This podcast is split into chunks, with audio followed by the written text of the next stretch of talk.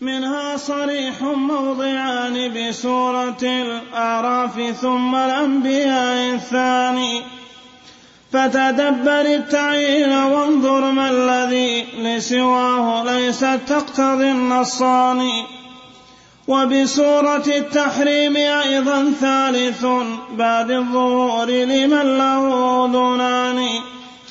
ولديه في مزمل قد بينت نفس المراد وقيدت ببيان. قيدت ولا قيدت؟ ولديه في مزمل قد بينت نفس المراد وقيدت ببيان. لا لا تنقض الباقي. لا تنقض الباقي فما لمعطل من راحة فيها ولا تبيان. وبسورة الشورى وفي مزمل سر عظيم شأنه ذو شان. في ذكر تفطير السماء فمن يريد علما به فهو القريب الداني. لم يسمح المتأخرون بنقله جبنا وضعفا عنه في الإيمان بل قاله المتقدمون فوارس الإسلام هم أمراء هذا الشأن. ومحمد بن جرير الطبري في تفسيره حكيت به القولان. بسم الله الرحمن الرحيم. هذا أيضا من الأدلة على علو الله عز وجل وهو أنه جاءت آيات متعددة في إثبات العندية. في إثبات العندية. مثل قوله إن الذين عند ربك لا يستكبرون عن عبادته. ومثل قوله ومن عنده لا يستكبرون عن عبادته ولا يستحسرون. ومثل قوله إن لدينا أنكالا وجحيما. وأمثال ذلك. فالعندية تدل على العلو. لأنه لو لم يكن عاليا لكان كل الخلق إيش؟ عنده. لكان كل الخلق عنده. وحينئذ لا يتميز القريب من من البعيد. فالنصوص التي فيها إثبات العندية تدل على أن الله سبحانه وتعالى عال فوق عرشه. يقول مؤلف ولقد أتى التخصيص بالعند الذي قلنا بسبع بل أتى بثمان يعني ثمان آيات أو ثمانية مواضع منها صريح موضعان بسورة الأعراف ثم الأنبياء الثاني. في سورة الأعراف إن الذين عند ربك لا يستكبرون عن عبادته ولا يستحسرون والأنبياء ومن عنده لا يستكبرون عن عبادته ولا يستحسرون فتدبر التعيين وانظر ما الذي لسواه ليست تقتضي النصان. التعيين لمن عنده يدل على أن سوى هؤلاء ليسوا عنده.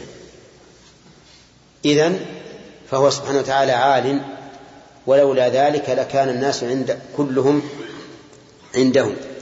وبصورة التحريم أيضا ثالث باد الظهور لمن له أذنان.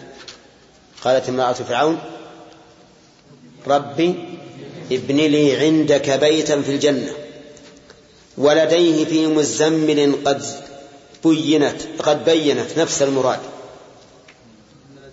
إن لدينا انكالا وجحيما. لا تنقض الباقي فما لمعطل من راحة فيها ولا تبيان. يعني أن لدى وعند لا يتناقضان. لا يتناقضان. لأنك تقول فلان لدي وفلان عندي وهما سواء في اللغة العربية فلا يتناقضان. وبسورة الشورى وفي مزمل سر عظيم شأنه ذو شان. أين سورة الشورى؟ وإنه في أم الكتاب لدينا لعلي حكيم. ها؟ لأن المؤلف يقول سورة الشورى ما عندك الشرح إيه؟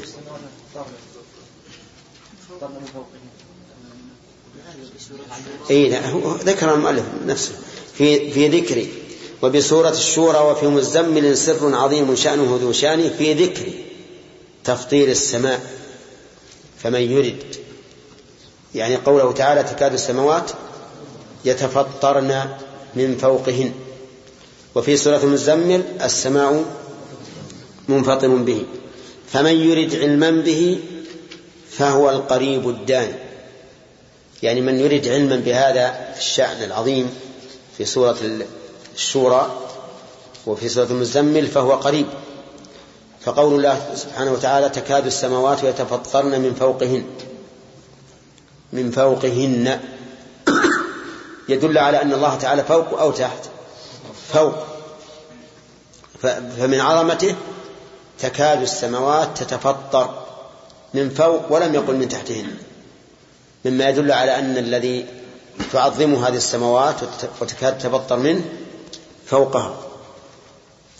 قال لم يسمح المتأخرون بنقله جبنا وضعفا عنه في الإيمان. المتأخرون يعني بهم أهل الكلام. لأن أهل الكلام يكرهون كل نص يخالف بدعتهم وما هم عليه. حتى قال بعضهم أتمنى أن أتمكن من حك قوله تعالى وهو السميع البصير في قوله ليس كمثله شيء. لأنه إذا قال ليس كمثله شيء هي هذه صفة نفي وهو السميع البصير صفة إثبات. فيقول أنا أتمنى أن أتمكن من حك وهو السميع البصير. لماذا؟ لأنها جاءت على خلاف مراده. بل قاله المتقدمون فوارس الإسلام هم أمراء هذا الشأن. يعني قالوا ما دل عليه قوله تعالى تكاد السماوات يتفطرن من فوقهن. ومحمد بن جرير الطبري في تفسيره حكيت به القولان. تنقل لنا كلام ابن جرير يقول ولكن المتاخرين من المفسرين مثل ابن كثير وغيره جبنوا عن إيراد هذا القول الثاني ولم يصرح به المتقدمون من جهاده الإسلام الذين هم من هذا؟ الحراس. لا أن يمكن ذاك ينقل أحسن. ما ما قال شيء؟ إيه. ولا هنا؟ مشكلة. نعم. فصل. أي. لا في ابن كثير من من من أهل السنة والجماعة. نعم. نعم. أي نعم. هذا وحق إن شاء الله. نعم. هذا وحاديا وعشرين الذي قد جاء في الأخبار والقرآن. إتيان رب العرش جل جلاله ومجيئه للفصل بالميزان. فانظر إلى التقسيم والتنويع في القرآن تلفي صريح بيان إن المجيء لذاته لا أمري كلا ولا ملك عظيم الشان. إذ ذلك الأمران قد ذكرا وبينهما مجيء الرب ذي الغفران. والله ما احتمل المجيء سوى مجيء الذات بعد تبين البرهان. من أين يأتي يا أولي المعقول؟ كنتم ذوي عقل مع العرفان. من فوقنا أو تحتنا أو عن شمائلنا وعن أيمان. ومن خلف وعن أيمان. بعد شمائلنا ومن خلف وعن أيمان. من فوقنا أو تحتنا أو عن شمائلنا. ها؟ من فوقنا أو تحتنا وأمامنا. إيش بعد؟ إيه. شيخ فيه نسخة أو عن الأيماني. إيه ما بعد وصلنا هذا. أنا عندي من فوقنا أو تحتنا أو عن شمائلنا ومن خلف وعن أيمان هو ده. هو ده اللي عندنا. ها؟ هو اللي عندنا هذا. هذا اللي عندكم؟ نعم. إيه إذا اختلفت النسخ. الشيخ قال في الأصل غير موجودة لكن لا يستقيم المسجد ما يخالف لكن هذا موجود. طيب الآن نشوف من فوق أو تحت. شمال ويمين. من خلف.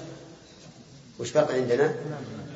أمامنا هذه بين المعلم. نعم. طيب. المهم إن المؤلف رحمه الله يقول من الأدلة على علو الله عز وجل ما ثبت عن ما ثبت في القرآن والسنة من أن الله سبحانه وتعالى ما كملنا تكمل يعني. طيب كيف و... نعم من فوقنا أو تحتنا. أو عن شمائلنا ومن خلف وعن ايمان ولا لا عندكم من فوقنا أو تحتنا وأمامنا من فوقنا أو تحتنا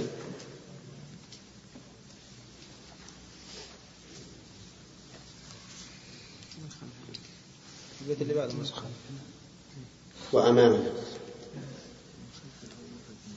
أو عن شمائلنا وعن أيماننا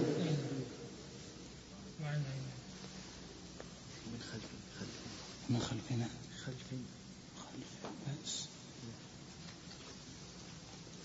الله لا يتحقق. ويقول في الأصل غير موجودة لكن لا يستقيم الوزن إلا بها صحيح. الوزن يستقيم في النسخة اللي عندنا أيضا. نعم.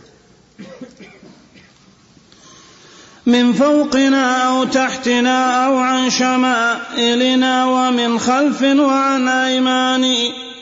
والله لا يأتيهم من تحتهم أبدا تعالى الله ذو السلطان.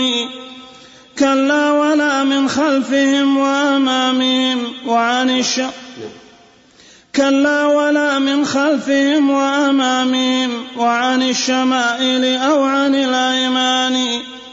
والله لا يأتيهم إلا من العلو الذي هو فوق كل مكان. صح. هذا الدليل أو الحادي والعشرون هو الأدلة الدالة على مجيء الله سبحانه وتعالى في القرآن والسنة. فإذا ثبت أن الله يجيء للفصل بين عباده يوم القيامة فمن أين يجيء؟ نشوف من تحت لا يمكن. من يمين وشمال وخلف وأمام لا يمكن أيضا. لأنه يقتضي أن يكون مساوي للمخلوق. إذا لم لا يمكن إلا من فوق. قال المؤلف هذا وحاديها وعشرين الذي قد جاء في الأخبار والقرآن إتيان رب العرش جل جلاله ومجيئه للفصل بالميزان وهذا يكون يوم القيامة. فانظر إلى التقسيم والتنويع في القرآن تلفيه صريح بيان. إن إن المجيء ويجوز أن المجيء لذاته لا أمره. كلا ولا ملك عظيم الشان. إذ ذلك الأمران قد ذكرا وبينهما وبينهما مجيء الرب ذي الغفران. أين هذا؟ كلا إذا دكت الأرض دكا دكا. وجاء ربك والملك صفا صفا. هنا لا يستقيم أن يقال جاء أمر ربك ولا جاء ملك من الملائكة. لأن الملائكة قد ذكر والآية الثانية هل ينظرون إلا أن تأتي يوم الملائكة؟ أو يأتي ربك. أو يأتي بعض آيات ربك. وهذا تقسيم وتنويع واضح أن المراد إتيان الله سبحانه وتعالى بنفسه. فإذا كان يأتي فيقول والله ما احتمل المجيء سوى مجيء الذات بعد تبين البرهان. ثم قال من أين يأتي؟ يا أولي, المعقول إن كنتم ذوي عقل مع العرفان من فوقنا أو تحتنا أو عن شمائلنا ومن خلف وعن أيمان والله لا يأتيهم من تحتهم أبدا تعالى الله ذو السلطان. كلا ولا من خلفهم وأمامهم وعن الشمائل أو عن الأيمان والله لا يأتيهم إلا من العلو الذي هو فوق كل فوق كل مكان. وهذا واضح. نعم. فصل في الإشارة إلى ذلك من السنة. واذكر حديثا في الصحيح تضمنت كلماته تكذيب ذي البهتان. لما قضى الله الخليقة ربنا كتبت يداه كتاب ذي الإحسان. وكتابه هو عنده وضع على العرش المجيد الثابت الأركان. إني أنا الرحمن تسبق رحمتي غضبي وذاك لرأفتي وحناني. ولقد أشار نبينا في خطبة نحو السماء بإصبع وبنان. مستشهدا رب السماوات العلى ليرى ويسمع قوله الثقلان. أتراه أمثال السماء أتراه أمثال السماء مستشهدا أم للذي هو فوق ذي الأكوان؟ ولقد أتى في رقية المرضى عن الهادي المبين أتم ما تبيان. نص بأن الله فوق سمائي فاسمعه إن سمحت لك الأذنان. ولقد أتى خبر رواه عمه العباس صنو أبي ذو الإحسان أن السماوات العلى من فوقها الكرسي عليه العرش إن أن السماوات العلى من فوقها الكرسي عليه العرش للرحمن والله فوق العرش ينظر خلقه فانظره إن سمحت لك العينان واذكر حديث حسين بن المنذر الثقة الرضا عن أبا عمران. إذ قال ربي في السماء لرغبتي ولرهبتي أدعوه كل أواني فأقره الهادي البشير ولم يقل أنت المجسم قائل بمكاني. لست بل جهيت بل شبهت بل جسمت لست بعارف الرحمن. هذه مقالتهم لمن قد قال ما قد قاله حقا أبو عمران.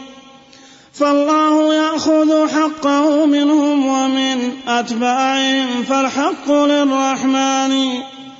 واذكر شهادته لمن قد قال لمن قد واذكر شهادته لمن قد قال ربي في السماء بحقيقة الإيمان. لا طولت الثاني. طولت الشق الثاني. لا قال رب. بعد الراء. والباء مع بالوصل واذكر شهادته لمن قد قال ربي في السماء بحقيقة الإيمان وشهادة العدل المعطل للذي قد قال ذا بحقيقة الكفران. واحكم بأيهما تشاء وإنني لأراك تقبل شاهد البطلان. إن كنت من أتباع جهم صاحب التعطيل. سريع ما شلون؟ أقول أنت سريع ما شاء الله تقف على الشطر. إن كنت نعم. إن كنت من أتباع جهم صاحب التعطيل والعدوان والبهتان. نعم هذه القطعة ذكر المؤلف رحمه الله فيها إشارة إلى أحاديث متعددة. قال واذكر حديثا في الصحيح تضمنت كلماته تكذيب ذي البهتان لما قضى الله الخليقة ربنا كتبت يداه كتاب ذي الإحسان وكتابه هو عنده وضع على العرش المجيد الثابت الأركان أني أنا الرحمن تسبق رحمتي غضبي وذاك لرأفتي وحناني. هذا حديث أخبر به النبي عليه الصلاة والسلام عن ربه تبارك وتعالى أنه لما قضى الخلق سبحانه وبحمده كتب كتابا عنده فوق العرش إن رحمتي سبقت غضب. فقول عنده فوق العرش يدل على إيش؟ يدل على العلو. يدل على العلو. وأن وأن الله تعالى فوق كل شيء. وإلا لكان هذا الكتاب وغيره على حد سواء. ثم قال ولقد أشار مبينا في ولقد أشار نبينا في خطبة نحو السماء بأصبع وبنان مستشهدا رب السماوات العلى ليرى ويسمع قوله الثقلان. أتراه أمسى للسماء مستشهدا أم للذي هو فوق ذي الأكوان؟ يشير المؤلف رحمه الله بهذه الأبيات إلى ما ثبت في الصحيحين في الصحيح صحيح مسلم من حديث جابر أن النبي صلى الله عليه وسلم خطب الناس يوم عرفة. فقال لهم هل بلغت؟ قالوا نعم. قال اللهم اشهد يرفع أصبعه للسماء وينكتها للناس. فهل النبي عليه الصلاة والسلام يستشهد السماء أو يستشهد من فوق السماء؟ الثاني بلا شك. ولهذا قال اللهم اشهد. ولم يقل يا سماء اشهد بل قال اللهم اشهد. وهذا شيء معلوم علمه كل الصحابة الذين سمعوا خطبة النبي صلى الله عليه وسلم. ثالثا قال ولقد أتى في رقية المرضى عن الهادي المبين أتم ما تبيان. نص بأن الله فوق سمائه فاسمعه إن سمحت لك الأذنان. وهذا في رقية المريض حيث كان يقول عليه الصلاة والسلام وهو يلقى المرضى ربنا الله الذي في السماء تقدس اسمك أمرك في السماء والأرض كما رحمتك في السماء فاجعل رحمتك في الأرض. أنت رب الطيبين. اغفر لنا حوبنا وخطايانا. أنزل رحمة من رحمتك على هذا الوجع وشفاء من شفائك على هذا الوجع فيبرأ الشاهد قوله ربنا الله الذي في السماء فإنه صريح بأن الله تعالى في السماء. والبقية إن شاء الله تأتي.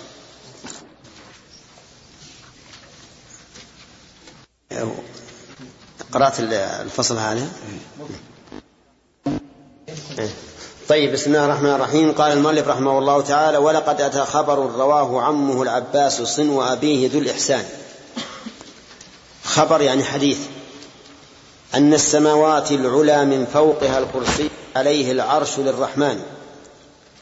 والله فوق العرش ناظر خلق ينظر خلقه فانظره يعني انظر الحديث إن سمحت لك العينان. هذا حديث رواه العبد عن النبي عليه الصلاة والسلام أن السماوات السبع بينها مسيرة كذا وكذا وذكرها وأن الكرسي فوق ذلك والعرش فوق الكرسي وأن الله تعالى فوق العرش ينظر إلى عباده. فهذا حديث دل على العلو. واذكر حديث حسين بن المنذر الثقة الرضا أعني أبا, عمر أبا عمران.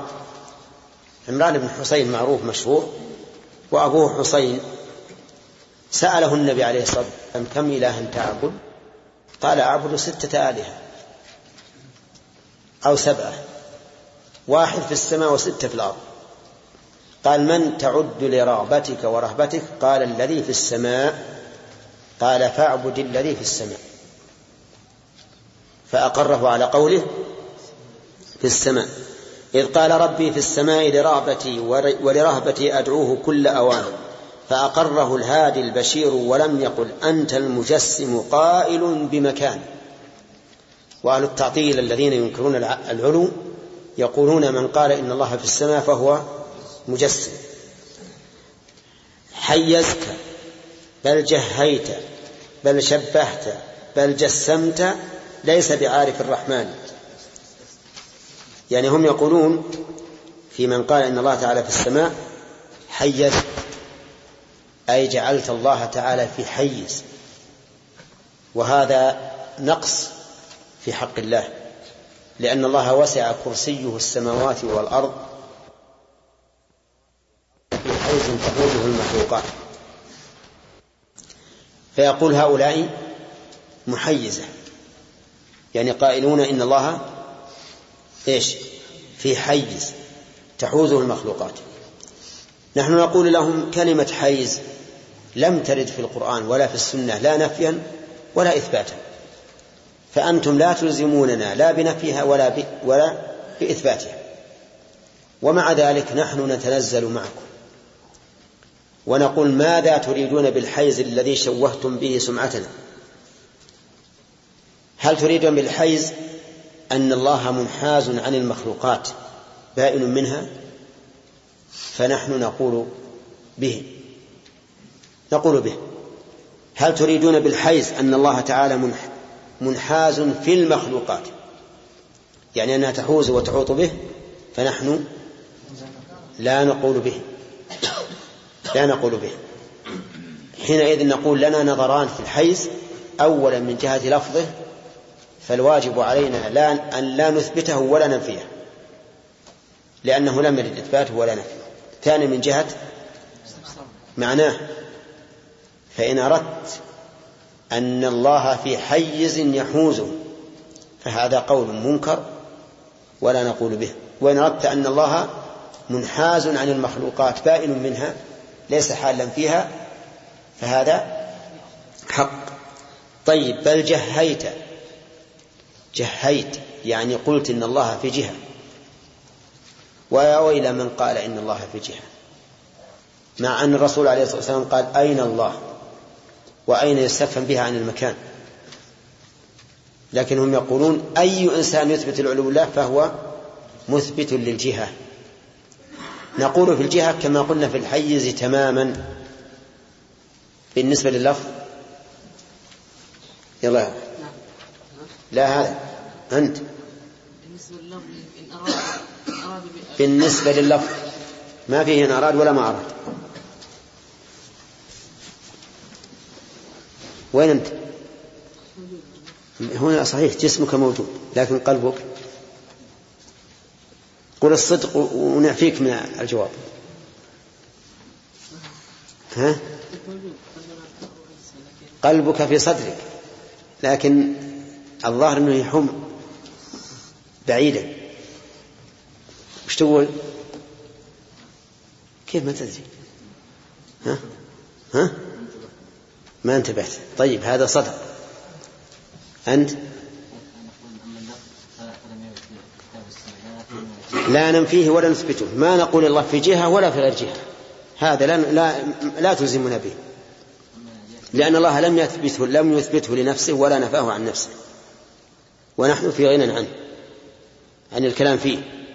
لكن تنزلا معك نقول إن أردت جهة تحيط بالله فهذا منكر ولا نريده ولا نقول به.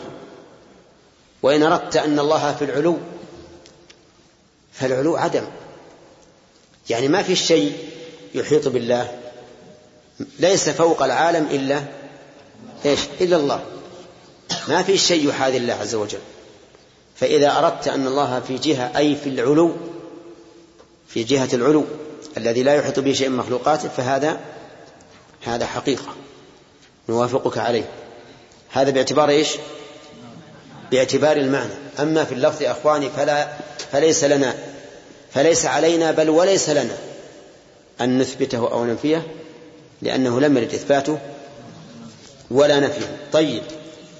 بل شبهت. شبهت. يقول إذا قلت إن الله في العلو فأنت مشبه. لأن العلو الذاتي لا يقوم إلا بجسم والأجسام متماثلة. هنا نقول لا نوافقكم على هذا. نحن لا لا ننفي التشبيه المطلق ولا نثبته. لأن التشبيه المطلق لم يقل به أحد من الناس أبدا. حتى الكفار ما يقولون به. التشبيه المطلق معناها التساوي من كل وجه. هذا لا أحد يقول به.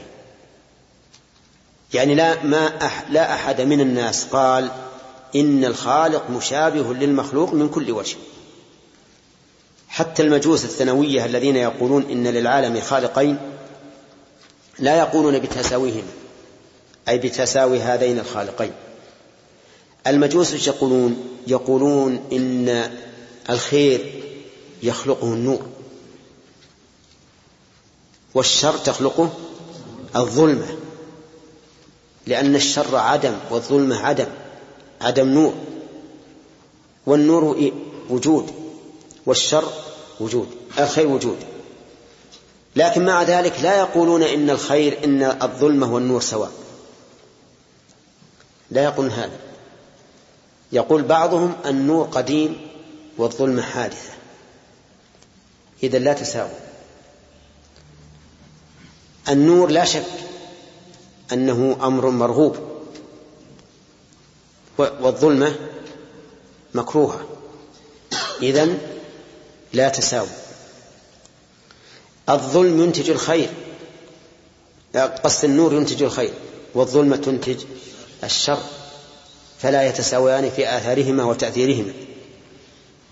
إذا لم يقل أحد من الخلق إن الخالق والمخلوق متشابهان من كل وجه. تشابها مطلقا. عرفتم الله وإن أردتم بالتشبيه الاشتراك في أصل المعنى فهذا حق. هذا حق. فالخالق والمخلوق بينهما اشتراك في أصل المعنى في الصفات. الحياة في الأصل معنى مشترك. السمع في الأصل معنى مشترك. لكن فرق بين حياة الخالق وحياة المخلوق وفرق بين سمع الخالق وسمع المخلوق. حينئذ رميكم إيانا بالمشبهة غير مقبول. هذه دعوة. دعوة منكم. يقول أنت المجسم. نعم بل جسمت. جسمت يعني قلت إن الله جسم. قلت إن الله جسم. الذي يثبت لله صفة يقول هو مجسم.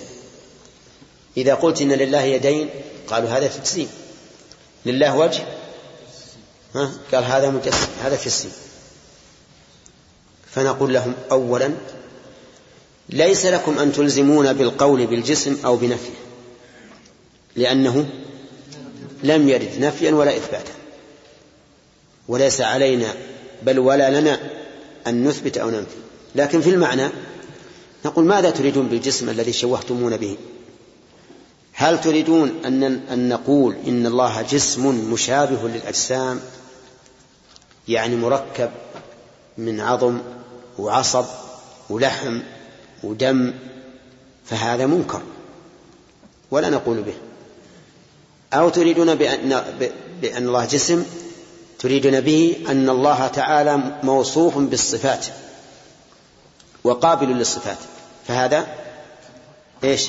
حق ولا غير حق؟ حق لا شك. فهو سبحانه وتعالى موصوف بالصفات يستوي على العرش وينزل ويأخذ بيده عز وجل ويضحك وله وجه وله يد. وله عينان هذا حق ونقول به وما الذي يضر؟ ما الذي يضرنا من هذا؟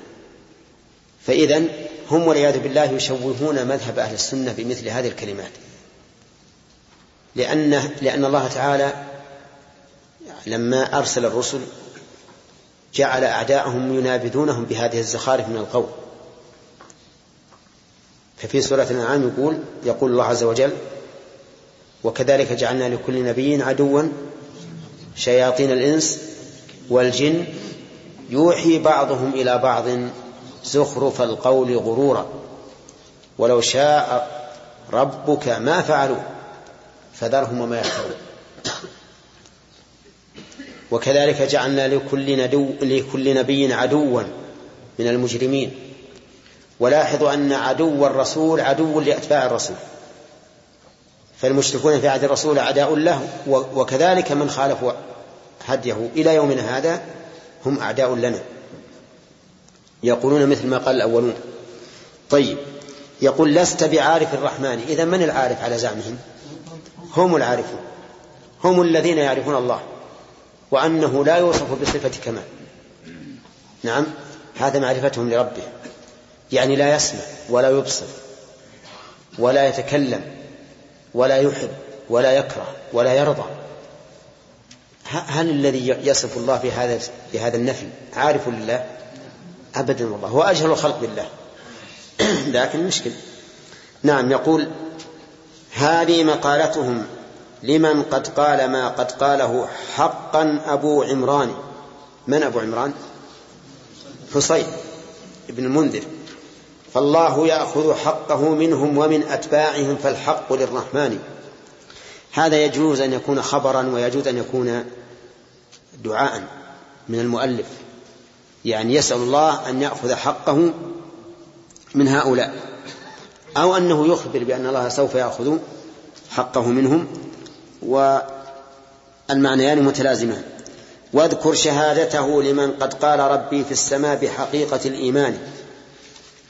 ويعني بذلك الجارية التي سألها النبي صلى الله عليه وسلم أين الله؟ قالت في السماء. فقال أعتقها فإنها مؤمنة.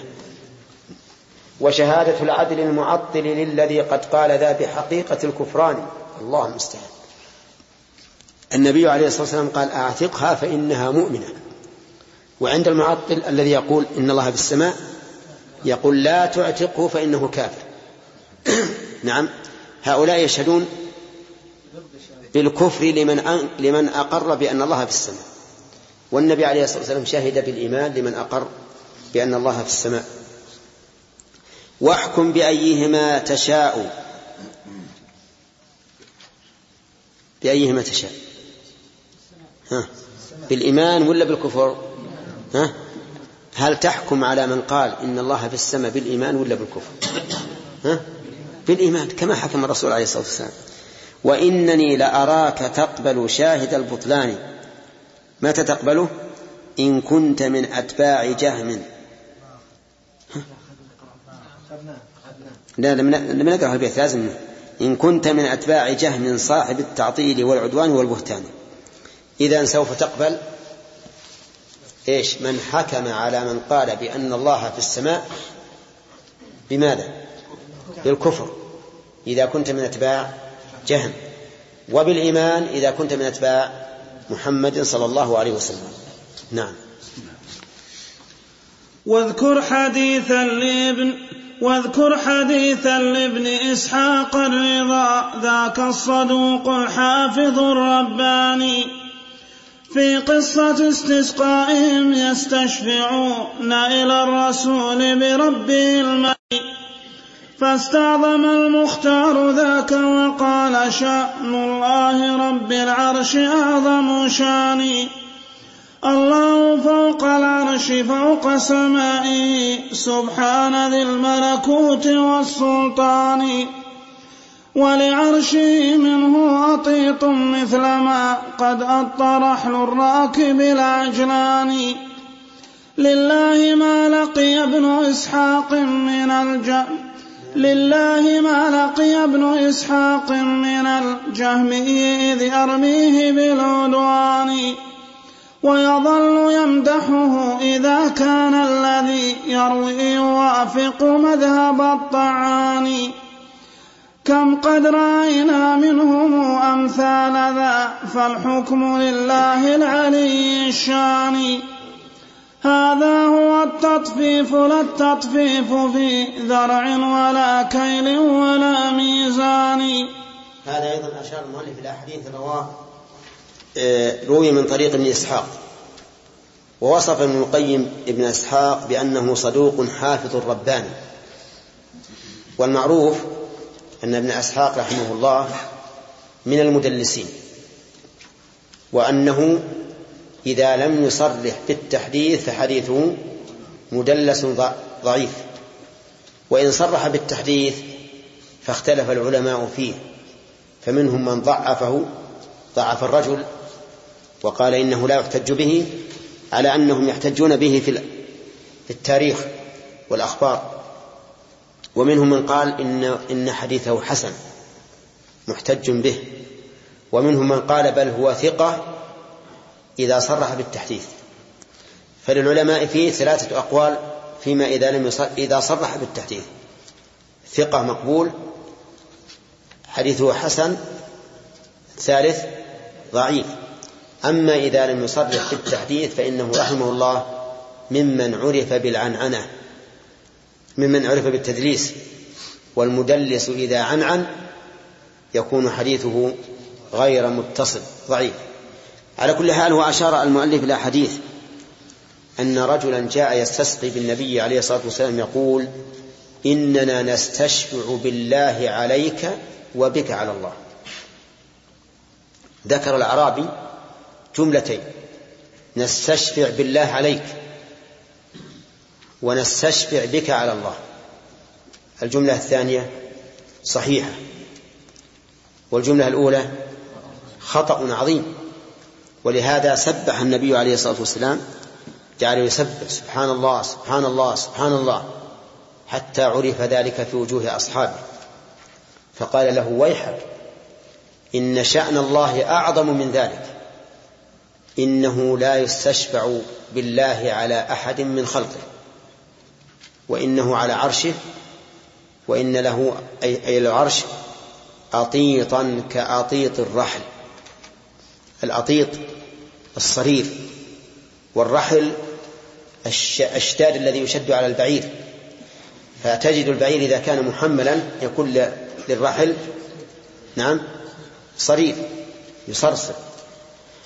هذا الحديث ضعفه أكثر أهل العلم لكن ابن القيم رحمه الله صححه لعله لشواهده. على كل حال نقول إنه لا يجوز لأحد أن يقول إني أستشفع بالله عليك. إني أستشفع بالله عليك. هذا لا يجوز. لماذا؟ لأن الشافع منزلته دون المشفوع إليه. الشافع منزلته دون المشفوع إليه. لأنه لو كانت منزلته أعلى لكان يأمر ما يشفع. فإذا قلت أستشفع بالله عليك فقد جعلت مرتبة الله عز جل وعلا دون مرتبة المشفوع عنده. وهذا شيء عظيم. ولهذا قال الرسول إنه لا يستشفع بالله على أحد من خلقه.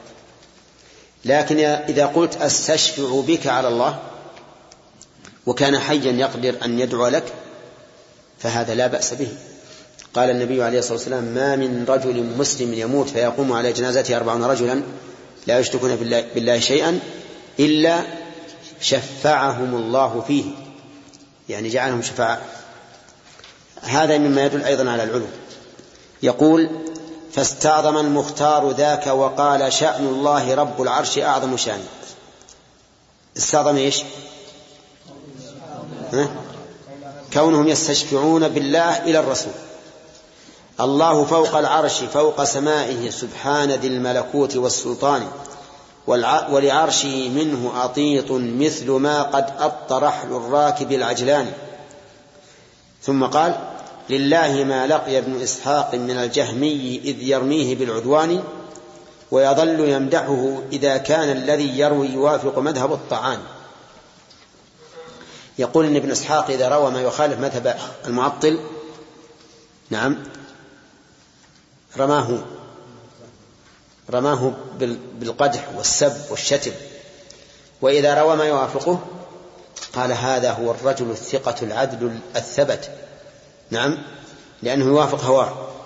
فيقول ابن القيم كم قد رأينا منهم أمثال ذا فالحكم لله العلي الشان؟ هذا هو التطفيف. لا التطفيف في ذرع ولا كيل ولا ميزان. ويل للمطففين الذين إذا اكتالوا على الناس يستوفون وإذا كلوهم أو وزنوهم يخسرون. فالذي لا يقبل الحق إلا إذا وافق هواه ويرده إذا خالف هواه هذا مطفف. هذا أعظم من تطفيف الكيل والوزن والذر. نعم. واذكر حديث نزوله نصف الدجى في ثلث ليل آخر أو ثاني. فنزول رب ليس فوق سمائه في العقل ممتنع وفي القرآن. واذكر حديث الصادق بن رواحة في شأن جارية لدى غشيان فيه الشهادة أن عرش الله فوق الماء خارج هذه الأكوان. والله فوق العرش جل جلاله سبحانه عن نفي ذي البهتان. ذكر ابن عبد البر في استيابه هذا وصححه بلا نكران. هذا أيضا حديثان ذكرهما المؤلف الأول حديث النزول إلى السماء الدنيا في نصف الليل. والنزول عقلا لا يكون إلا من من أعلى لأنه لا يمكن أن يقال نزل إلا إذا كان عاليا. يقول واذكر حديث نزوله نصف الدجى يعني نصف الليل في ثلث ليل آخر أو ثاني فنزول رب العرش فنزول رب ليس فوق سمائه في العقل ممتنع وفي القرآن. نعم لا يمكن أن ينزل إلا من إلا من أعلى ولكن يجب أن نعلم أن نزول الله إلى السماء الدنيا لا يعني أنه يزول وصفه بالعلو. فهو نازل عالي عز وجل لأن الله ليس كمثله شيء في جميع صفاته. ولكن هل يخلو منه العرش؟ لأن العرش لأن الاستواء ليس صفة ذاتية. أو لا يخلو منه العرش؟ في هذا ثلاثة أقوال لأهل العلم. فعندنا فقول يقول يخلو منه العرش. والقول الثاني يقول لا يخلو منه العرش. والثالث التوقف. فلدينا مسألتان. المسألة الأولى هل إذا نزل ينتفي عنه العلو؟ الجواب لا. لا يمكن. لأن العلو صفة ذات. والصفة الذاتية لازمة. لا ينفك الله عنها. هل يخلو منه العرش؟ لأن الاستواء العرش صفة فعل. يفعلها متى شاء نقول في المسألة ثلاثة أقوال للعلماء. فمنهم من قال نعم يخلو منه العرش. ومنهم من قال لا. وهذا الثاني اختيار شيخ الإسلام ابن تيمية رحمه الله أنه لا يخلو منه العرش. والله على كل شيء قدير. يكون نازلا إلى السماء الدنيا وهو على عرشه لأن الله لا يشبهه شيء. ومنهم من قال بل نتوقف أو نسكت. والصواب عندي أننا نسكت. ولا نتكلم بهذا إطلاقا. لأن هذا لو كان التفصيل فيه خير لكان الصحابة أول من يسأل الرسول عليه الصلاة والسلام. فالصواب أن نسكت عن هذا ونعرض عنه. طيب يقول واذكر حديث الصادق بن رواحة في شأن جارية لدى الغشيان فيه الشهادة أن عرش الله فوق الماء خارجها والله فوق العرش جل جلاله سبحانه عن نفي ذي البهتان. حديث ابن رواحة هو أن عبد الله عبد الله بن رواحة عنده جارية. فدخلت عليه امرأته فأخذت السكين لأنها غارت. كيف تجامع الجارية؟ فغارت منها فقال على مهلك. أتحبين نقرأ عليك؟ ومعروف أن الجنوب لا يقرأ القرآن. قالت نعم اقرأ. قال شهدت بأن وعد الله حق. وأن النار مثوى الكافرين وأن العرش فوق الماء طاف وفوق العرش رب العالمين. الشاهد قوله؟ وفوق العرش رب العالمين. لما قرأ على البيتين قالت خلاص ما فيه ما في جماع. لأن الجنب لا يقرأ القرآن. فظنت أن هذين البيتين قرآن فهدأ غضبه. فأخبر عبد الله بن رواحة النبي صلى الله عليه وسلم بذلك فأقره على قوله وأن العرش فوق الماء طاف وفوق العرش رب العالمين طيب يقول ذكر ابن عبد البر في استيعابه هذا وصححه بلا نكران الاستيعاب في معرفة الأصحاب لابن عبد البر رحمه الله يشبه الإصابة في معرفة الصحابة لابن حجر العسقلاني. وإن كان كل منهما له ميزة لكن آه، ابن حجر متأخر عن ابن عبد البر ولذلك صار أجمع وأكثر بالنسبة لتراجم الصحابة رضي الله عنهم. نعم. انتهى. من أدلة العلو النقلية معراج النبي صلى الله عليه وسلم إلى إلى الله. فإنه ثابت والعروج يكون من أسفل إلى أعلى. وقد ثبت الإسراء والمعراج في القرآن. فالإسراء ثبت بقوله تعالى سبحان الذي أسرى بعبده ليلا من المسجد الحرام إلى المسجد الأقصى. والمعراج ثبت بقوله تعالى والنجم إذا هوى. ما ضل صاحبكم وما غوى إلى آخر الآيات. يقول ابن القيم رحمه الله وحديث معراج الرسول فثابت وهو الصريح بغاية التبيان. ما قريناه؟ ما قريت. ما قرأنا؟ ما سمعنا؟ أي طيب. إذا نسمع الآن. بسم الله. وحديث معراج الرسول فثابت وهو الصريح بغاية التبيان. وإلى إله العرش كان عروجه لم يختلف من صحبه رجلان. وانظر بقصة خندق حكما جرى لقريضة من سعد الرباني انظر ولا اذكر واذكر بقصة خندق حكما جرى لقريضة من سعد الرباني شهد الرسول بأن حكم إلهنا من فوق سبع وفقه بوزان. واذكر حديثا للبراء رواه أصحاب المساند منهم الشيباني وأبو عوانة ثم حاكم الرضا وأبو نعيم الحافظ الرباني. وأبو عوانة ثم حاكم الرضا وأبو نعيم الحافظ الرباني. قد صححوه وفيه نص ظاهر ما لم يحرفه أولو العدوان.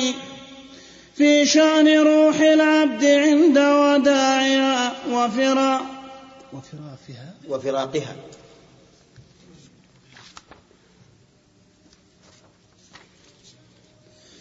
في شأن روح العبد عند وداعها وفراقها لمساكن الأبدان.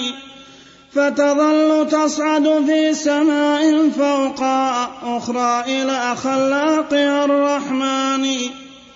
حتى تصير إلى سماء ربها فيها وهذا نص بأمان واذكر حديثا في الصحيح وفيه تحذير لذات البعل من هجران.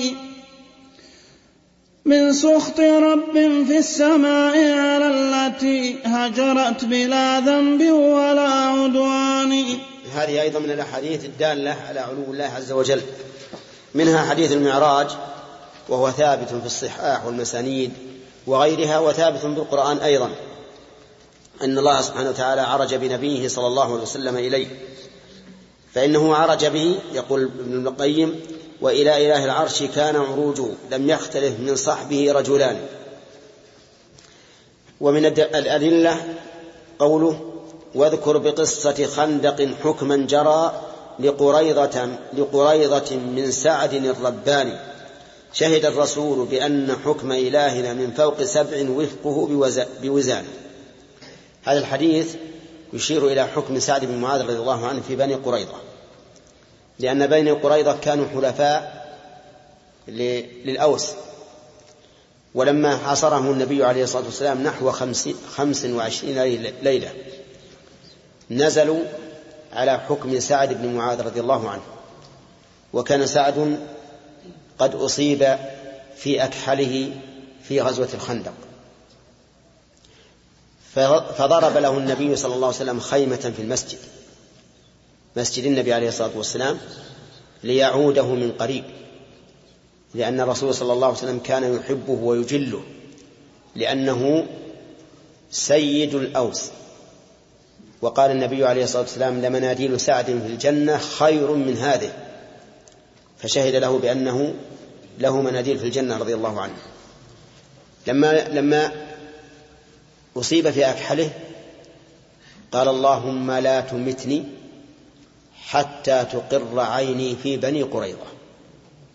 حلفائه فأجاب الله دعوته. نزلت بنو قريظة على حكمه فأرسل النبي عليه الصلاة والسلام إليه فأتي به من مسجد الرسول صلى الله عليه وسلم على حمار. فلما أقبل قال النبي عليه الصلاة والسلام قوموا إلى سيدكم. فأنزلوه. فقاموا إليه فنزلوه من الحمار وجلس. فأخبره النبي عليه الصلاة والسلام بأن بني قريظة حكموه فيه. فقال أحكمي نافذ فيهم؟ قال بنو قريظة نعم. قال وعلى من هؤلاء؟ وعلى من؟ وعلى هؤلاء؟ ويشير إلى النبي صلى الله عليه وسلم. ولكنه قد غض طرفه احتراما لرسول الله صلى الله عليه وسلم. قال وعلى هؤلاء. فقال أحكم بينهم بأن تقتل مقاتلتهم وتسبى نساؤهم وذريتهم وتغنم أموالهم. فقال النبي عليه الصلاة والسلام لقد حاكمت فيهم بحكم الله من فوق سبع سماوات. ثم فعل بهم ما حكم به سعد رضي الله عنه وأرضاه وقتل منهم في ذلك اليوم سبعمائة رجل. سبعمائة رجل. ثم عاد معاذ إلى خيمته في المسجد. سعد سعد بن معاذ إلى خيمته في المسجد. فانبعث الدم من جرحه فمات رضي الله عنه. لما انقضت المهمة التي قرت بها عينه انتقل إلى رحمة الله رضي الله عنه. المهم هذا يدل على أن الله فوق ولا لا؟ لقوله من فوق سبع سماوات. طيب. واذكر حديثا للبراء رواه أصحاب المساند منهم الشيباني يعني الإمام أحمد رحمه الله وأبو عوانة ثم حاكم الرضا وأبو نعيم الحافظ الرباني قد صححوه وفيه نص ظاهر ما لم يحرفه أولو العدوان في شأن روح العبد عند وداعها وفراقها لمساكن الأبدان فتظل تصعد في سماء فوقها أخرى إلى خلاقها الرحمن حتى تصير إلى سماء ربها فيها وهذا نصه بأمان تصير إلى سماء فيها ربها وهذا النص الحديث بأمان يعني أن المؤمن إذا قبضت روحه صعد بها إلى السماء الأولى ثم الثانية ثم الثالثة ثم الرابعة إلى أن تصل إلى السماء التي فيها الله عز وجل. أما الكافر فإنه لا تفتح له لروحه أبواب السماء بل تطرح في الأرض طرحا والعياذ بالله. ثم قرأ النبي عليه الصلاة والسلام لا تفتح لهم أبواب السماء ولا يدخلون الجنة حتى يلج الجمل في سم الخياط. واذكر حديثا في الصحيح وفيه تحذير لذات البعل من هجرانه يعني للمرأة ذات الزوج حذرها الرسول عليه الصلاة والسلام من هجر زوجها من أي من أي شيء حذرها؟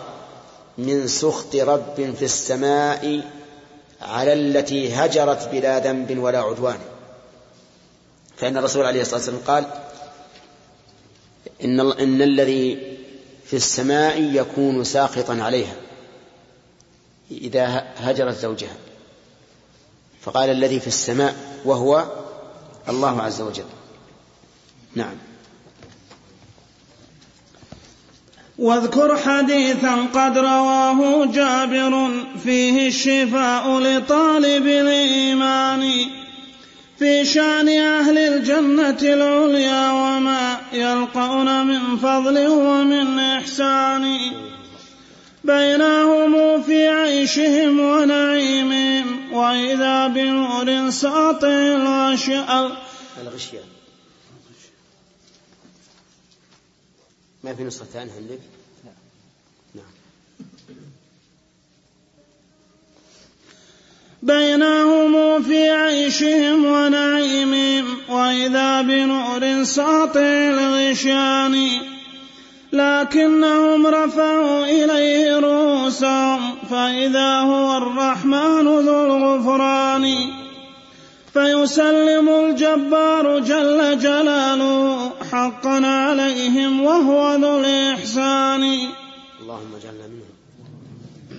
واذكر حديثا قد رواه الشافعي طريق فيه أبو اليقظان. في فضل يوم الجمعة اليوم الذي بالفضل قد شهدت له النصان يوم استواء الرب جل جلاله حقا على العرش العظيم الشان. واذكر مقالته ألست أمين من فوق السماء الواحد الرحمن. واذكر حديث أبي رزين ثم سقه بطوله كم فيه من عرفان. والله ما لمعطل بسماعه أبدا قوى إلا على النكران. فأصول دين نبينا فيه أتت في غاية الإيضاح والتبيان. وبطوله قد ساقه ابن إمامنا في سنة والحافظ الطبراني. وكذا أبو بكر بتاريخ له وأبوه ذاك زهير الرباني. واذكر كلام مجاهد. أيضا أحاديث أشار إليها المؤلف رحمه الله.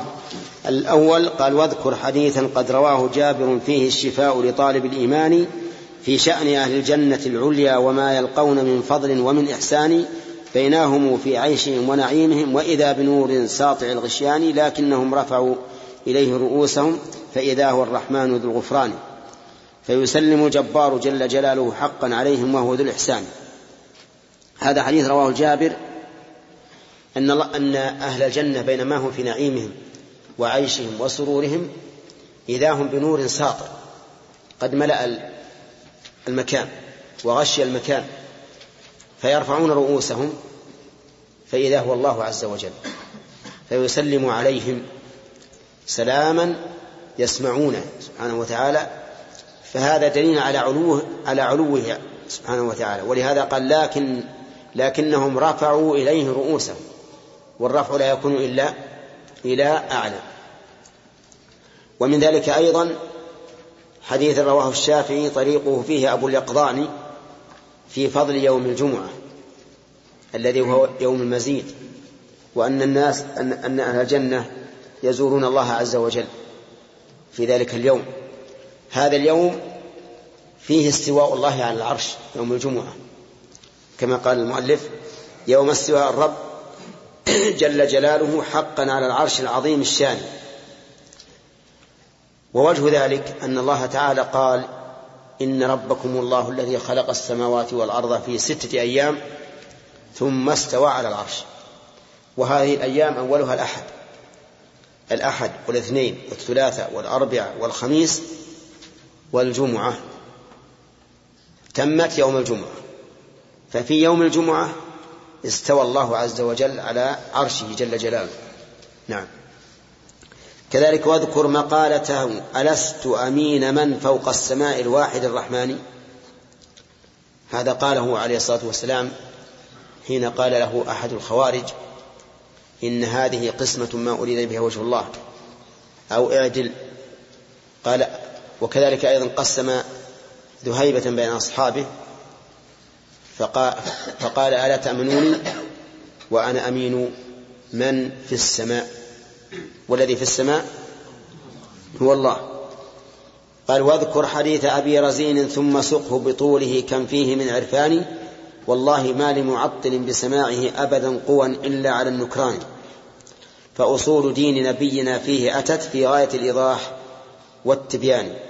وبطوله قد ساقه ابن إمامنا في سنة السنة لابن الإمام أحمد عبد الله رحمه الله. والحافظ الطبراني وكذا أبو بكر بتاريخ له وأبوه ذاك زهير الرباني. فهؤلاء كلهم ساقوا الحديث بتمامه وهو عندكم أظن في شرح ابن عيسى. معه اسمعني إياه ها؟ عندها الرأس؟ طيب. بسم الله الرحمن الرحيم. أخرج الشافعي رحمه الله في مسنده من حديث أنس بن مالك رضي الله عنه قال أتى جبريل أتى جبريل رسول الله صلى الله عليه وسلم بمرآة بيضاء. لا لا هذه. لا حديث أبي رزين. الظاهر أنه في شرح ابن عيسى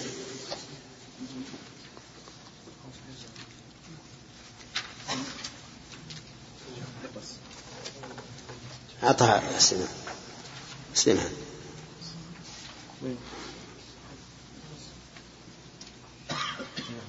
وحديث أبي رزين ساقه الذهبي في كتاب العلو فقال حديث سمعناه من أحمد بن و... ابن ابن هبة الله وجماعة عن محمد بن عبد الواحد. قال حدثنا إسماعيل بن علي. قال أنبأنا محمد بن علي النحوي. قال أنبأنا أبو بكر بن المقري. قال حدثنا عبدان بن أحمد. قال حدثنا عمر بن موسى. قال حدثنا حماد بن سلمة. عن يعلى بن عطاء. عن وكيع بن حدس عن بن عقيلي قال قلت يا رسول الله أين كان ربنا قبل أن يخلق أن يخلق السماوات والأرض؟ قال كان في عماء ما فوقه هواء وما تحته هواء ثم خلق العرش ثم استوى عليه. رواه الترمذي وابن ماجه وإسناده حسن. وقد رواه شعبة وغيره عن يعلى وقال عدس بدل حدس ورواه إسحاق بن راهوية عن عبد الصمد بن عبد الوارث عن حماد وعنده ثم كان العرش فارتفع على عرشه وروى حرب عن ابن راهوية تحت هواء وفوق تحته هواء وفوقه هواء يعني السحاب. وقال أبو عبيد العماء الغمام. وقال الحسن بن عمران الحنظلي الهروي سمعت أبا الهيثم خالد بن يزيد الرازي يقول أخطأ أبو عبيد إنما العمى مقصور ولا يدري أين كان الرب. يعني قبل خلق العرش. ويروى عن أبي رزين حديث طويل بإسنادين مدنيين في الباب لكنه ضعيف. انتهى كلام الذهبي. قلت هذا كلام الذهبي وقد ساقه بتمامه الناظم في كتاب الهدي وقال هذا حديث كبير جليل الشان. ينادي, ينادي جلالته وفخامته وعظمته على أنه قد خرج من مشكاة النبوة إلى أن قال ولم يطعن أحد فيه وفي أحد من رواته. فممن رواه الإمام ابن الإمام أبو عبد الرحمن عبد الله بن أحمد بن حنبل في مسند أبيه في كتاب السنة ومنهم الحافظ الجليل أبو بكر أحمد بن عمرو بن أبي عاصم النبيل في كتاب السنة له والحافظ أبو محمد محمد بن أحمد الغسال في كتاب المعرفة وحافظ زمانه أبو القاسم سليمان بن أحمد الطبراني والحافظ أبو محمد عبد, عبد الله بن محمد بن حيان أبو الشيخ الأصبهاني في كتاب السنة. وحافظ عصره أبو نعيم أحمد بن عبد الله الأصبهاني وجماعة من الحفاظ يطول ذكرهم. قال ابن مندة روى هذا الحديث محمد بن إسحاق الصنعاني وعبد الله بن أحمد بن حنبل وغيرهما وقد رواه بالعراق بمجمع من العلماء. المهم إذا يرجع عليه في زاد المعاد لأنه ذكره مطولا. نعم.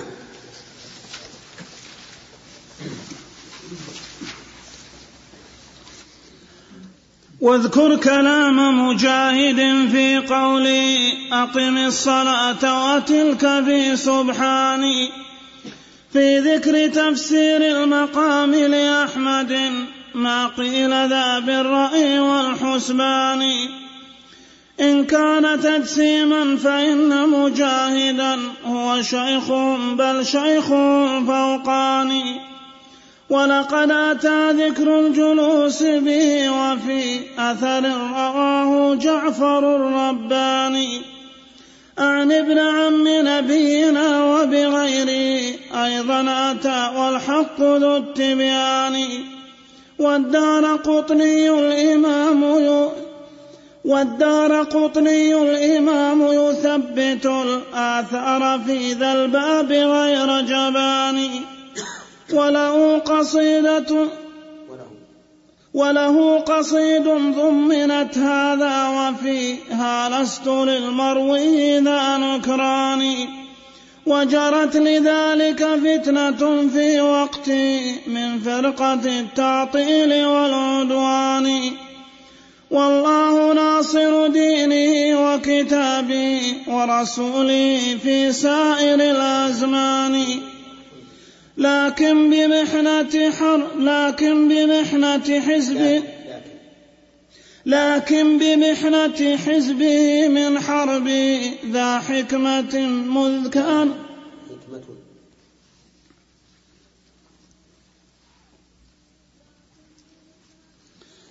لكن بمحنة حزبه من حرب ذا حكمة مذ كانت الفئتان.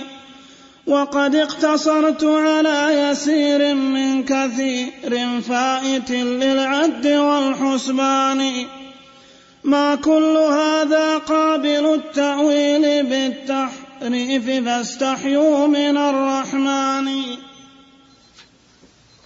هذا أيضا من الأدلة ما ذكره مجاهد في قوله تعالى أقم الصلاة لدلوك الشمس إلى غسق الليل وقرآن الفجر. إن قرآن الفجر كان مشهودا ومن الليل فتهجد به نافلة لك.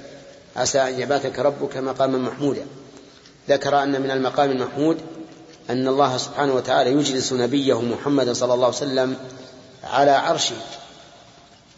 وذكر في هذا أثرا والله أعلم بصحة هذه الآثار لكن بعض العلماء حسنها لكثرة طرقها. وذكر أن الدار قطني أثبت هذه الآثار وأن له قصيدة ضمنت هذا وفيها لست للمروي ذا نكران الذي يقول هكذا الدار قطني. وجرت لذلك فتنة في وقته من فرقة التعطيل والعدوان. وهذه الفتنة يقول الشارحون للقصيدة إنهم لم يعلموا عنها شيئا.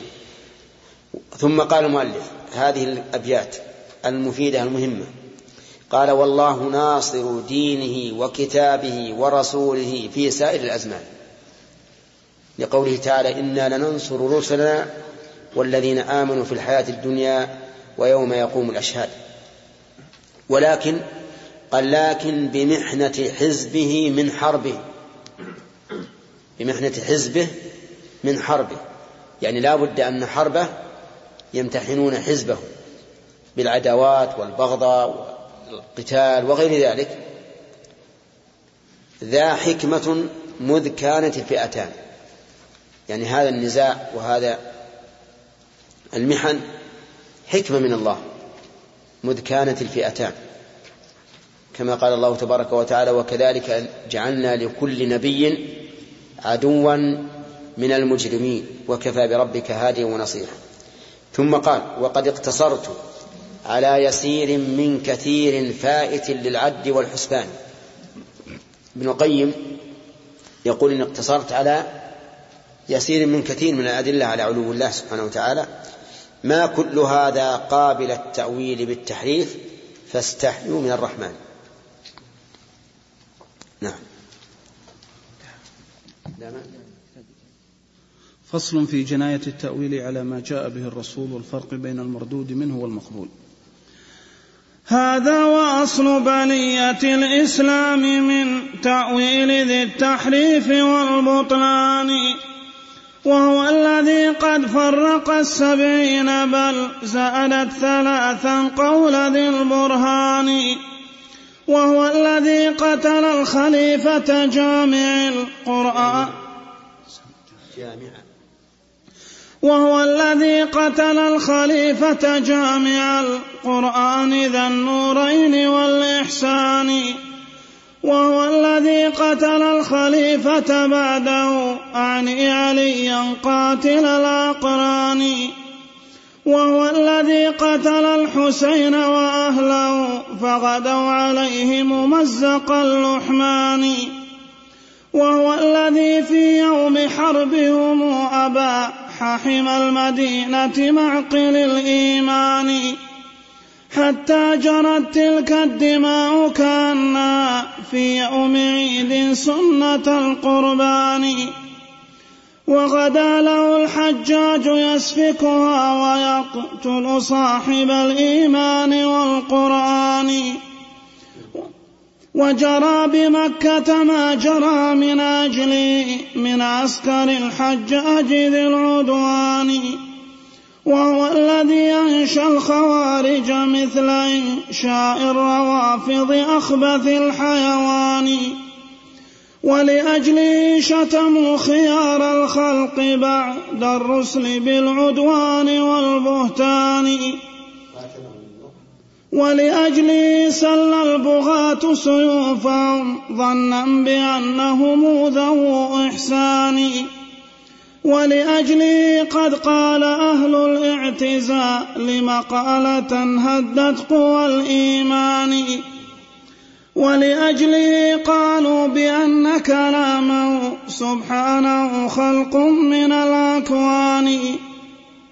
ولأجله قد كذبت بقضائه شبه المجوس العابد النيران. ولأجله قد خلدوا أهل الكبائر في الجحيم كعابد الأوثان. ولأجله قد أنكروا لشفاعة المختار فيهم غاية النكران.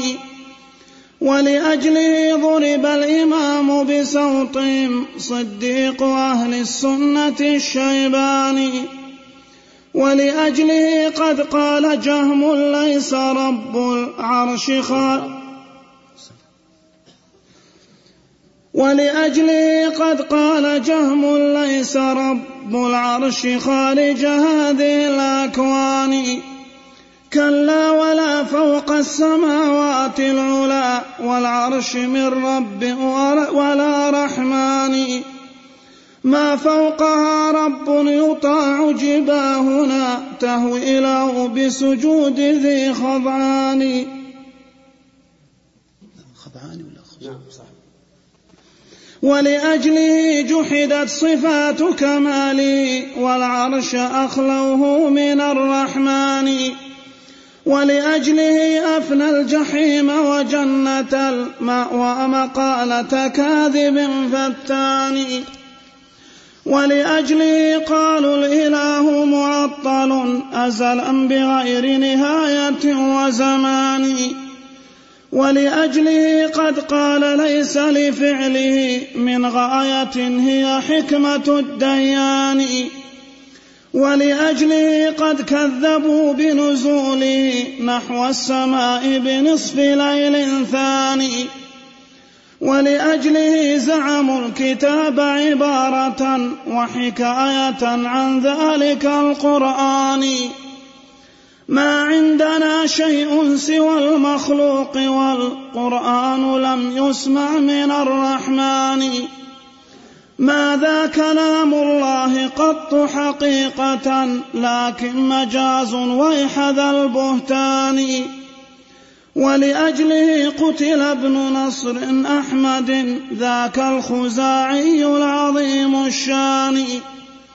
إذ قال ذا القرآن نفسك أحمد عندي. ولا بال لا أحمد. أحمد؟ إيه. بالرفع. الصواب بالرفع.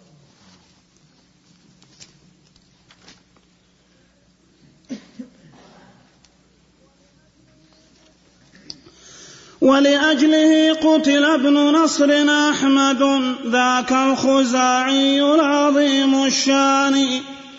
إذ قال ذا القرآن نفس كلامي ما ذاك مخلوق من الأكوان؟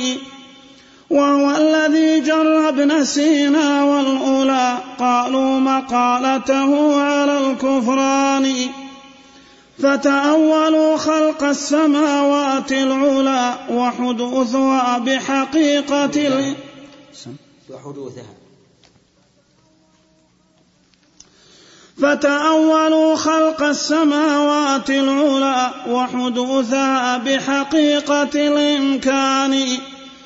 وتأولوا علم الإله وقوله وصفاته بالسلب والبطلان. وتأولوا البعث الذي جاءت به رسل الإله لهذه الأبدان بفراقها لعناصر قد ركبت حتى تعود بسيطة الأركان. وهو الذي جر القرامطة الأولى يتأولون شرائع الإيمان. فتأولوا العملي مثل تأول العلمي عندكم بلا فرقان. وهو الذي جر النصير وهو الذي جر النصير وحزبه حتى أتوا بعساكر الكفران. فجرى على الإسلام أعظم محنة وخمار فينا إلى ذا الآن. وجميع ما في الكون من بدع وأحداث تخالف موجب القرآن. فأساسها التأويل ذو البطلان لا تأويل أهل العلم والإيمان.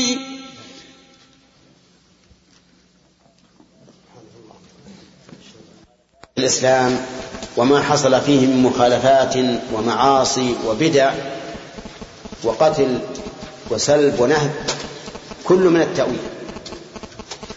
هذا في من ينتسب للإسلام. أما من لم ينتسب فأصل بلية الإسلام منه أنه عدو للإسلام. لكن المنتسب للإسلام ما جاءت البلية للإسلام إلا بسبب تأويله.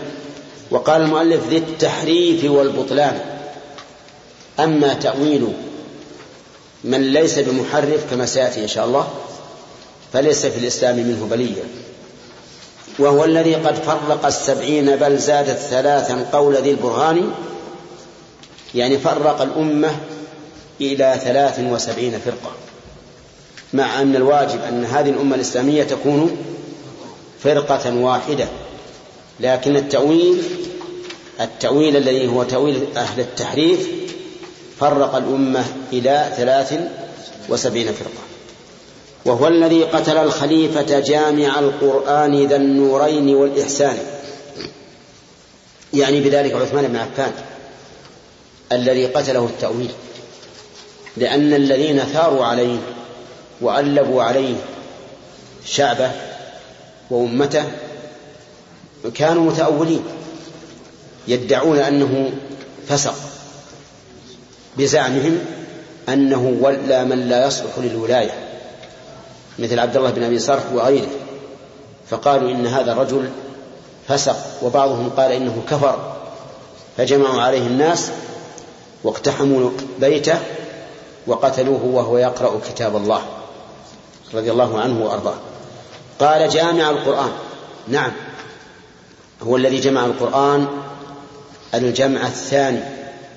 لأن الجمع الأول كان في عهد أبي بكر رضي الله عنه لكنه جمعه وكان الناس يقرؤونه على سبعة أحرف ويختلفون في قراءته. فلما خاف عثمان رضي الله عنه من الفتنة بذلك جمعهم على حرف واحد وهو حرف قريش أي لغة قريش وأحرق ما سواه من المصاحف. وأوجب على الأمة أن يقتصروا على لغة قريش فقط. فكان في هذا جمع للأمة وائتلاف بينها. يشكر عليه رضي الله عنه وجزاه عن أمة محمد خيرا. وقال ذا النورين يعني صاحب النورين. وذلك أن النبي صلى الله عليه وسلم زوجه ابنتيه. زوجه ابنتيه رقية وأم كلثوم. ولهذا قال بعض أهل السنة إذا افتخر الرافضة بأن علي بن أبي طالب زوجه النبي صلى الله عليه وسلم ابنته فإنه يفتخر عثمان بأنه زوجه ابنتين الثنتين. قال والإحسان نعم لأنه رضي الله عنه جهز جيش العسرة. جهز جيش العسرة مئة بعير بأحلاسها وأقتابها. ولما قال النبي عليه الصلاة والسلام من يشتري هذه البئر بئر أرومة وتكون له جنة اشتراها عثمان بحر ماله رضي الله عنه. فقد أحسن إلى الأمة الإسلامية لتجهيز الجيوش واستعداد الماء لهم. وهو الذي قتل الخليفة بعده أعني عليا قاتل الأقران. رضي الله عنه. أيضا علي بن أبي طالب قتله الخوارج الذين خرجوا عليه بعد أن كانوا معه في صفه لكنهم تنكروا والعياذ بالله عليه وخرجوا عليه وقتلوه في الكوفة وهو خارج إلى صلاة الصبح يدعو إلى الصلاة رضي الله عنه. الصلاة الصلاة. فقتلوه فقتل شهيدا ودفن في قصر في قصر الإمارة في الكوفة. ومن نعمة الله أن قبره لم يكن معروفا. ليس معروفا لأنه قصر في دفن في قصر الإمارة خوفا عليه. أن يخرجه الخوارج من من قبره في المقبرة ويمثلون به. هو الذي قتل الخليفة. بأي شيء؟ بالتأويل لأنهم قالوا إنك لما قبلت التحكيم مع معاوية رضي الله عنه كفرت وحل دمك فقتلوه بهذا التأويل. وهو الذي قتل الحسين وأهله فغدوا عليه ممزق اللحمان حسين بن علي بن أبي طالب رضي الله عنه قصته معروفة مع أهل العراق. غدروا به وقتلوه حتى مزقوه تمزيقا والعياذ بالله ومثلوا به. ولكنه ليس كما يزعم بعض الناس أن رأسه دفن في دمشق وبعضهم قال دفن في العراق وبعضهم قال دفن في مصر فكان لهذا الرجل ثلاثة رؤوس.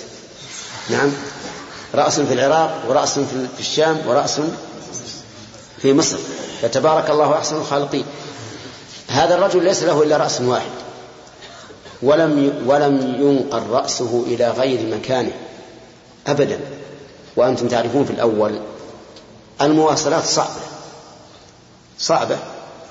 ثم إنه في ذلك الوقت بالذات فتن. فتن عظيمة.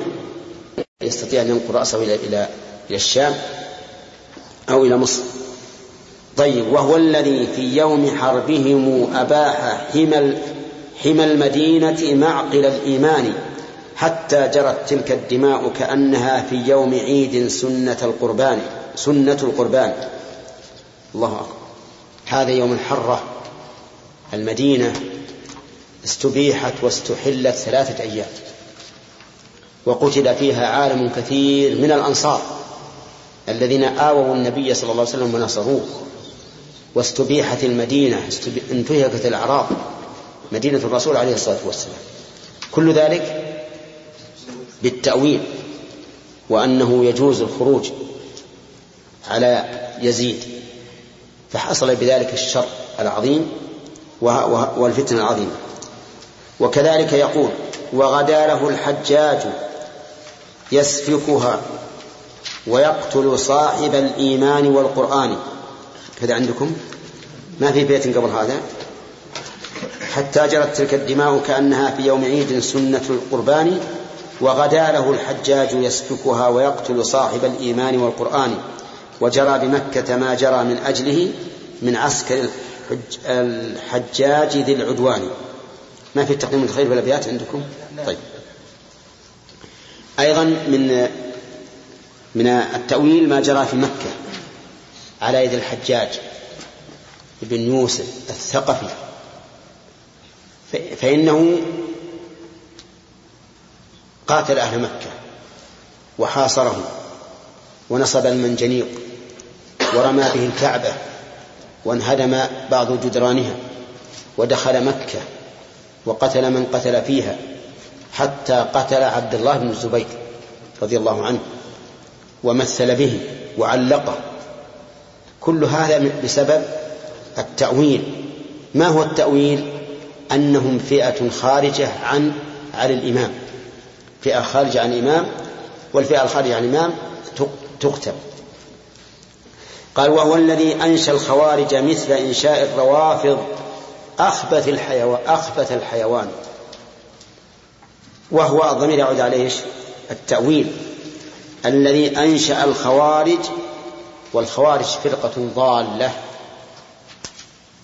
كفرت كثيرا من الصحابة واستباحت دماء المسلمين بغير حجة لكن بما معها والعياذ بالله من التسرع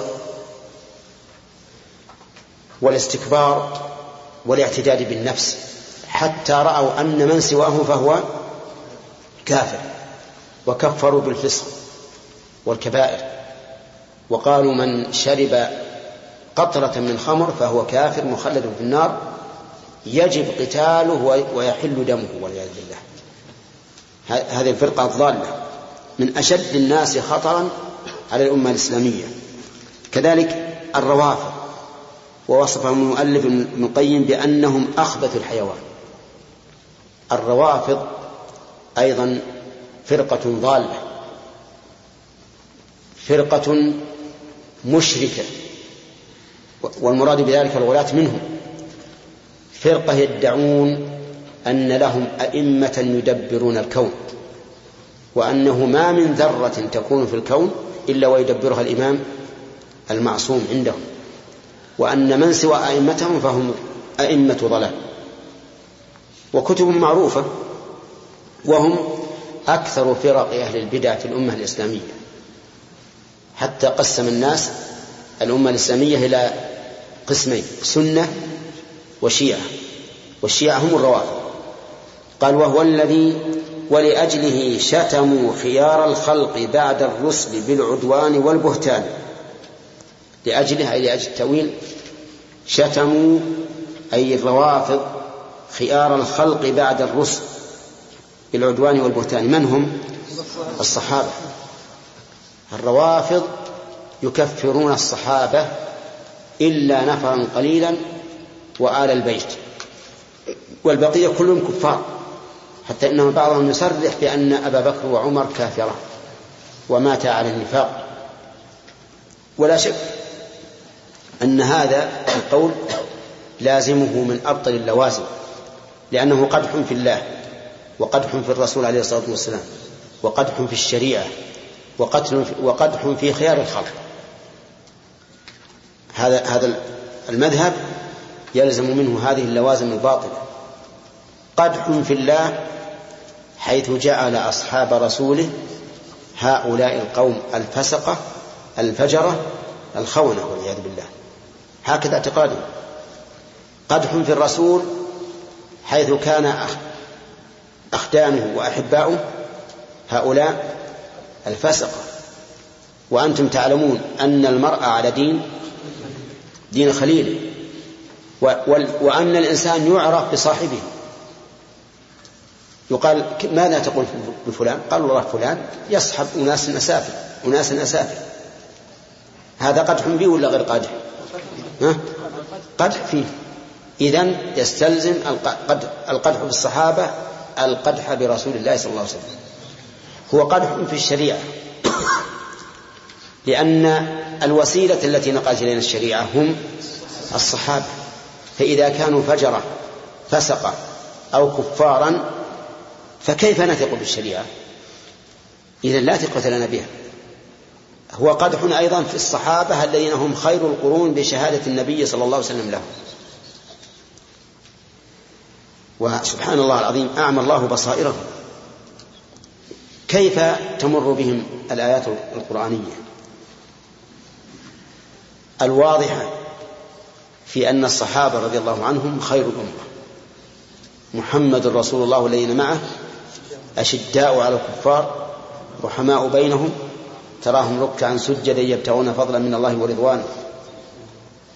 والسابقون الأولون من المهاجرين والأنصار والذين اتبعوهم بإحسان رضي الله عنهم ورضوا عنه.